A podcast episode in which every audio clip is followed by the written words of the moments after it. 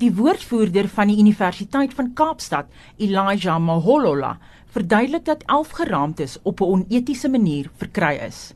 9 hiervan sal aan Nasate oorhandig word terwyl navorsing met betrekking tot die oorblywende 2 voortgesit sal word.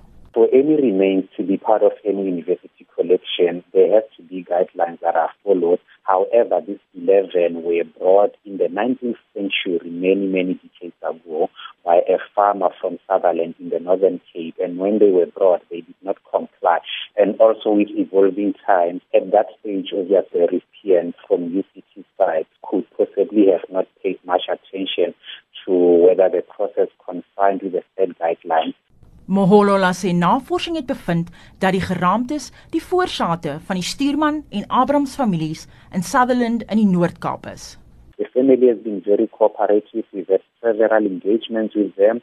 The UCT delegation has been visiting the Sutherland area for several meetings and engagements, and through it all, been working with the institution to ensure that we restore the dignity that was taken away from these remains when they were brought to the university in the 19th century. Moholola sê die universiteit sal ook betrokke wees wanneer die beendere later vanjaar herbegrawe sal word. Definitely involved. There's a range of stakeholders that are involved. The investors involved. The local municipality, that is the Karoo Hoogland municipality in Sutherland, is also involved. There was at, at some point the involvement as well of the Provincial Department of Arts in the Northern Cape. And uh, UCT will be working with all the relevant stakeholders, the family, of course, the families being the key stakeholders because we obviously take uh, our lead in terms of what to do from the families themselves. Moholola sê voorheen was daar geen presedent wat betref beendere wat op 'n onetiese manier deur 'n hoër onderwysinstelling verkry is nie. One thing that we've noticed throughout this process is that there has not been a precedent before in terms of what an institution of higher learning would have to do if they were to find that some of the skeletons in their collection has been unethically obtained. So through this process, we've been able to establish lots of processes, lots of procedures, and uh, we have been working very closely with all the connected or all the related stakeholders.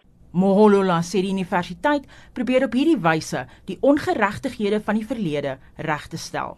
And this is a recognition from UCT that so many years ago, over hundred years ago, we participated in uh, committing an injustice. Willingly or unwillingly, knowingly or unknowingly, the university participated in this unjust process. And as an institution, we had to set about in correcting this wrong and restoring the dignity to these 11 uh, remains that we found in our collection. That is why, as soon as we found out through the archival audits carried out by the curator of human remains at UCT, once it was found out, the immediate reaction was to put a moratorium on all remains to ensure that this injustice is immediately attended to.